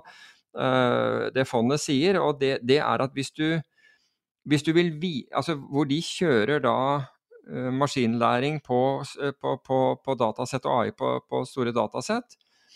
Og de sier at hvis du er en investor som vil vite hvordan og hvorfor uh, hvordan avkastningen er skapt, og hvorfor den liksom ble skapt slik, så er ikke du en investor for oss, for vi vet ikke. Det vi vet, er at dette korrelerer med det, og vi tar en posisjon der, deretter. Og de, de, har suksess. Med andre ord, de, de, fondet her er, er, absolutt bra og, og, og, tjener penger. Men hvis du er den type investor som må vite hvorfor, så, så vet ikke de det engang, for å si det på, si det på den måten. Men no, noe som er høyst reelt, altså nå har vi ikke så mye tid igjen, men uh, noe som er uh, Kan jeg ta dette med å løse boligmangelen på slutten, men noe som er høyst reelt, er jo at Gary Gensler har da snudd uh, en avgjørelse fattet av, uh, av Trump og Trump-administrasjonen i USA, som uh, ga demper på Altså, Trump ville ha Han, han likte ikke varslere, naturlig nok. Så han ønsket en, at, det, at, det, ble lagt en demper på hva, hva varslere kunne tjene. Altså I USA så er det slik at hvis varslere varsler om noe som er, uh, som er materielt, og, uh, og, hvor det blir reagert mot, altså hvor det viser seg å være ulovlig eller hva, hva som helst, og det dukker opp erstatningssaker eller bøter på, på, basis av det, så får varsleren en, en andel av, av, den summen. Så det, skal, det er jo noe som da skal stimulere varslere til å ta den, eller betale, kompensere er det vel kanskje riktigere uttrykk, varslere for å, for å, ta den risikoen det er, og varsle om noe som er som de mener er, er lovbrudd og er, er, galt. Trump ønsket som sagt ikke dette, her, så han, han, la, han ba da sin administrasjon sørge for at det ble lagt uh, et tak på hva varslere kunne tjene. Men Gary Gensler, som er da nå den nye sjefen for SEC, han har jo vært der en stund nå, da, men i ja, hvor lang tid nå? Halvt år? Eller nei, kanskje det er et år? Uh, han har da uh, mener at det er opportunt å fjerne uh, dette taket, fordi han mener at det er en viktig kilde til at man finner ut at det blir begått lovbrudd. Så det har han fått igjennom. Jeg syns jo egentlig at det er en, en god sak. Altså vi vet at eh, vi vet av historien til mange varslere at det, det koster. Både at man, eh, man, Ikke minst bare se på det hva som skjedde i Terranos. Altså eh, at man mister jobben. Og men også kan risikere å, ha blitt saksøkt og ikke klare å få jobber og alt mulig sånn, for man får ikke referanser. Så nå uh, blir det i hvert fall mulig for, for varslere å, å, varsle, og uten at man samtidig risikerer, hvis man har rett i det man varslet om, at, uh, at uh, man går personlig konkurs. Jeg syns det er egentlig en bra sak. Vet ikke om du har noe synd på det? Um, jeg skulle gjerne ha sett at vi hadde et sånt varslingssystem i Norge også, med betaling. Tror vi hadde luka ut mye drit da. Jeg så på et program i går, og der var det en kvinnelig varsler som, uh, som fortalte liksom hva hun hadde vært igjennom da. Uh, da hun varslet, og i en, en, sak hun hadde varslet, og hvordan Altså, rett og slett alt det jeg sa, bortsett fra at man hadde ikke gått etter henne økonomisk, men man gikk etter troverdigheten hennes og på, på alle måter angrep henne. og det, det, er klart at det er, det er kjempetungt hvis, hvis, det, hvis, det, er genuint det, det du gjør. Så Husker du filmen The Insider? Uh, The Insider uh... Det handler om um, han som varsla mot tobakksindustrien. Uh, det er langt bak i huet så, så, så erindrer jeg noe her, men den er gammel, er den ikke det? Jo, 99 eller noe sånt. Ja, akkurat. Ja. Uh, men den er veldig god å illustrere hvor røft det er å være varsler. Altså. Og det her er jo på en måte den store varsleren over alle varslere. Og hans liv ble jo i praksis ødelagt av det her. Og uh, han klarte kanskje å Han klarte vel å bli happiere, men altså, det var jo en enorm kostnad på alle måter. Ja, for, for, all del. Det var Men han gjorde jo verden bedre, og Jeffrey Wygand kan sove godt på natta, men uh... Ja, det var det han Du, uh, var det Russell Crowe? Ja. Ah, da var det den, ja. Akkurat. Uh, skal jeg ta og løse problemene for, med, med studentboliger? Altså, Ifølge avisene da, så, så, er det 6000 uh, eh, studenter som mangler boliger i, uh, i, Oslo. Og det slo meg her da forleden dag, når jeg så et cruiseskip ligge til kai i Oslo, så tenkte jeg hvor svært er det? Og det var 317,5 meter lang, 35,8 meter bredt. Stakk 8 meter ned. Men hadde da, kunne da ta ca. 3000 passasjerer het Mindshift. Så altså jeg tenker jo at det, enten så kan staten gå inn her, eller så kan Torstein Hagen, han er jo, han er jo spenstig, døper om skipet til Mine Hybel, og så har du løst i hvert fall halvparten av problemet. Jeg har funnet kaiplass til den også, for hvis du tenker deg studenter, de går jo de må jo tidlig av gårde til, eh, til universitetet eller, eller, skoler, og så kommer de tilbake igjen utpå ettermiddagen. Tenk deg at der hvor Color Line ligger, den kommer klokken ti og går klokken to. Så mellom der så er det ingen. Så da kan du bare skli den saken inn, og så har du flytende hybel. Må jo være bra. Ikke den verste ideen jeg har hørt. Nei, jeg synes det var en... Jeg, det jo den, jeg var jo den ideen som var hvordan Tromsø skulle eh, holde OL. Det var sånn de skulle løse hotellene. Med det er et par, par, problemer i det her. Det ene er finn meg et skip du får lov å leie. Eh, det går sikkert greit. Eller det, det, problem nummer to, du putter 3000 studenter i samme skip, og du tror det kommer til å gå bra? jeg får håpe det. Altså, det, det, må jo være bedre enn altså Enten det eller ja, det må jo være bedre jeg, jeg kan ja, leie ut hybel i båten. Men det må jo være bedre Men det er ikke den dummeste ideen, da. Men jeg, Nei, men jeg tenker bare, bare, bare tenk, tenk, på det. Altså, du kan si hvis ja, Det er jo dyrt med bunkers nå også, så Ja, men altså det, med, med, bunkers altså vi bryr, En annen ting er at disse cruiseskipene uh, de, de, forurenser jo mye mer enn det, det bilparken inn og ut av, av Oslo hver dag gjør. Men det, det bryr jo ikke myndighetene seg om, fordi det har man valgt at det ser vi bort fra en eller annen grunn, hva, hva disse skipene gjør. Men det, det, går, Gud forby hvis de går på strøm. Da. Det kunne jo gå, altså det er jo noe som heter landstrøm, men uh, akkurat i år så er Går ikke mange av det på gass nå? Ja. Det, det, Når de går nært land? Ja, men der, der ser du. altså Du kan si dette skipet er fra Nei, det, er den, det, er faktisk ikke den verste ideen jeg har hørt. Altså. Du, du men, men, jeg tror de her, de her, leilighetsproblemene hvert eneste år med skolestart, de, de har noen tendens til å løse seg. Så spørs om problemet er stort nok til at Norge må chartre. Ja, men hør her. Altså, jeg, tenkte, jeg, tenkte, at liksom, Er det bare i Oslo, forresten? Ja, Det vet jeg ikke, men det, det, det i Oslo. Men I så fall må det skipet gå langs kysten. Altså, 3000 eh, 3000 passasjerer. Altså, hvis du da drar til litt, så får du 6000 eh, studenter eh, om bord der. Vet du hva? Altså, disse skipene er så store, vet du. Altså, du kan si at hvis du får inn altså 6000 det, det, 6000 studenter, det er, det er en tiendedel av, av beboerne i bydel Frogner i Oslo. Det er ganske mye studenter som skal ha plass. Skal vi se. Torstein Hagen eh, bestilte Leter du etter nummeret hans nå? Nei, jeg leter etter hva det koster. Uh, så han bestilte seks skip. Uh, og det er 930 passasjerer fordelt på 465 ehm, lugarer. Og hver av de skipene koster 300 millioner euro. Ja, men det, er- det er altfor lite. Du vet, så Tui Du vil ikke ha luksus, og det du vil ha, er brakke. Ja, men Så her er en bedre enn da. Du tar du, nå er, Hvordan er, er ikke fraktprisene på vei ned nå? Litt ned. Men du tar frakt, du tar et sånt skip, og så tar du eh, For det er jo blitt så populært blant folk som prøver å kutte kost når de skal bygge bolig, at de bygger sånn her eh, bolig av eh, sånne her chartercontainere. Eller sånne containere, sånn shippingcontainere. Og, og så kan du ta shippingcontainere, og så bare stabler du dem opp på Du, Det er jo Et. Altså, lasteskip. hva, hva tror du altså, hva tror du militæret og sånne bor i når, eh, i, når, er, når de har vært i Afghanistan og sånne? Det er fullt av containere. Jeg husker det, det kom jo det der skipet kom jo inn til New York under korona, det der eh, Røde Kors-skipet, eller hva det var, med et sånt stort rødt kors på. Oh, ja. Nei, jeg, husker ikke det, men, men, Nei, nei, men det men du, en annen gladmelding, bare for å ta en gladmelding. men 300 millioner euro for 930 plasser. Ja, men hør her. her. For det første, altså dette er TUI som eier den tyske turoperatøren TUI. De har, de har Mindshift 1 til og med 6, eller kanskje det er enda flere.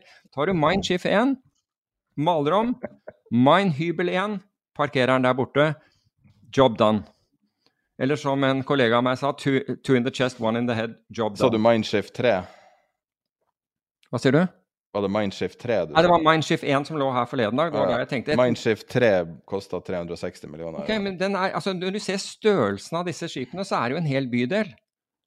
Og, og, og noen dager så er det to eller tre sånne i Oslo. Det er klart, her har du mulighet. Mindshift 1 625 millioner dollar. Så da tar du Ja, Men det var nytt, og det var i 2018. Ja, men da, da er det 6 milliarder kroner akkurat. Og så skal du ha 6000 boliger der. Ja, 6 milliarder kroner, det er to dager med disse strømprisene. Og, og, og det. Altså, det er jo ikke noe Det er ingenting. Altså, La nå, la nå stu- studentene få, få, få tak over huet, og så har vi dem på et, et Ja, ja, sted. og, og fri Så legger han seg Og, på og så Når Color Line kommer inn, så legger han og seg på norovirus. så legger han seg på Ja, men hør her, nå må du ikke liksom bli helt medisinsk med meg. Det er jo ikke sånn at Hvor mange, hvor mange studenter var det? 6000? 6000, ja. Det er, jo, det er jo ikke sånn at det er Så eh, én million per. Ja, men hør her. Det er jo Dette skal vare. Jo, men én million per student, jeg tenker meg om, er jo det dritbillig. Ja, ja. Hva det koster for en leilighet i Oslo, og medianprisen er vel fire-fem millioner. Ja, Så det her er jo, her er jo en Men selvfølgelig, det faller i verdi, det er det eneste Ja, men problemet. har, hva er det som faller i verdi? Skipet? Et skip! Ja, Til slutt synker det jo. So what? Det bare Ja, men dette her varer jo i år. Men det du ut gjør, er at du kjøper et gammelt cruiseskip som, som bare kan flyte. Men skal vi ta en annen, annen, eh, en annen gladmelding, siden vi er nå Leg legitimt god idé, Peter. Ja, siden vi har nå løst den, den greia. Og det er en annen, å påpeke en annen ting, og det er tankratene. Som bondet vel ut hva var det i juni på minus 34 000 dollar om dagen. De er nå oppe i pluss 24 000 dollar dagen. Litt synd med Fredelig som akkurat solgte rederiet sitt, men eh, der Altså, tankratene, de går gjennom taket. Så de er endelig kommet. Så nå har jeg endelig begynt å frakte den oljen, tydeligvis. Så eh, for de som, eh, de som er bullish på tank, da har de fått, har de fått kjøtt på beinet, for å si det på den måten. Kan man putte studenter på en sånn tank? Nei, nei, sånn nei, nei, nei, nå må du skille mellom nå. eh, Nei, nei, men jeg, jeg bare prøver å få det billigere. Ned igjen, Du har jo den der siloen i Oslo som er full av studenter. Sånn. Jo, men altså, tenk, tenk deg det. Altså, ikke, de, får, de får sjøutsikt, kort vei til, til, til kafeteria, kort vei inn til byen. Alt er i orden. Altså, det, det, er, det er kort vei til, eh, til all mulig infrastruktur og, og, og, um, og, og fellestransportet er jo liksom helt midt i blinken, dette her. Så du skal ha 6000 studenter rullende ut i 12-1-tida. Og alle skal ta 12-1-tida, bussen. de er ikke i 12-1-tida, de, de må være ute før 10. Å ja, oh ja, fordi at det Da, da, Line, da kommer Color Line inn. Ja, men det er det der planen din går i Nei, det er ikke det i det hele tatt. Nei, det ute er, nå sørger du for Nei, nå sørger du for at de står opp om morgenen og, og, går, og går på universitet eller skoler, Ja, ikke sant? da, hvis du klarer å løse det, da tror jeg det Ja, ja, da, og da, da sidetrøster den ut. Color Line, kommer inn, dumper sine passasjerer, går klokka to igjen. Da Jo, men det her er, vet du hva, Peter, det her er ikke en dårlig idé. Altså, Det er ikke en dårlig idé. altså eh, forutsatt at det er at det Man kaller det jo boligkrise, at det er boligmangel i Oslo, og, og at det bygges for lite og sånn. Ja, jeg, har- Det jeg, har- er jo legitimt en hack. ja, ja. Men var ikke det The World, husker du det, det der norske? Jo. Hvor det ble da det? Det er jo seiler jo rundt, gjør det ikke det? Jo. Jeg aner ikke hvor, hvor den befinner seg, men uh... Det var veldig mye skrevet om det for 20 år siden, men uh... det begynte med at Ja. Det, nei, altså det, jeg tror det der kan være en uh... Det store problemet med The World var jo det at du ikke kunne få postnummeret ditt på The World, var det ikke det? For det var det de kjempa for, å få en egen zip-code eller egen sånn country code. Oh, ja, men, men altså en jeg gikk på skole sammen med, han, eh, han flyttet til Han driver innenfor cruise, og han, han flyttet til Miami, og holdt på der i mange år. og senere, Han er fortsatt bosatt i USA med, med, med amerikansk kone og barn. og og de har, han har Jeg vet ikke om den er bygget ennå, men han holdt i hvert fall på med tilsvarende av The World, altså en, en moderne En modernisert The World da, med, samme, med samme tanken. Så her har vi et custom cruise ship til salgs nå, bygd i 92. Skal vi se hvor mye 2767 gjester. Det står at det er 900 crew, så da kan du sikkert ha 900 ekstra gjester. 272 gjester, 900 crew. To- Ja, her er det noe som ikke helt 2700 stemmer. 2767 gjester. Ja, det, det, altså det Og er det litt koster, da begynner denne økonomien virkelig å gå opp. For du må jo bare taue den her til kaia, og så ligger den der. Så,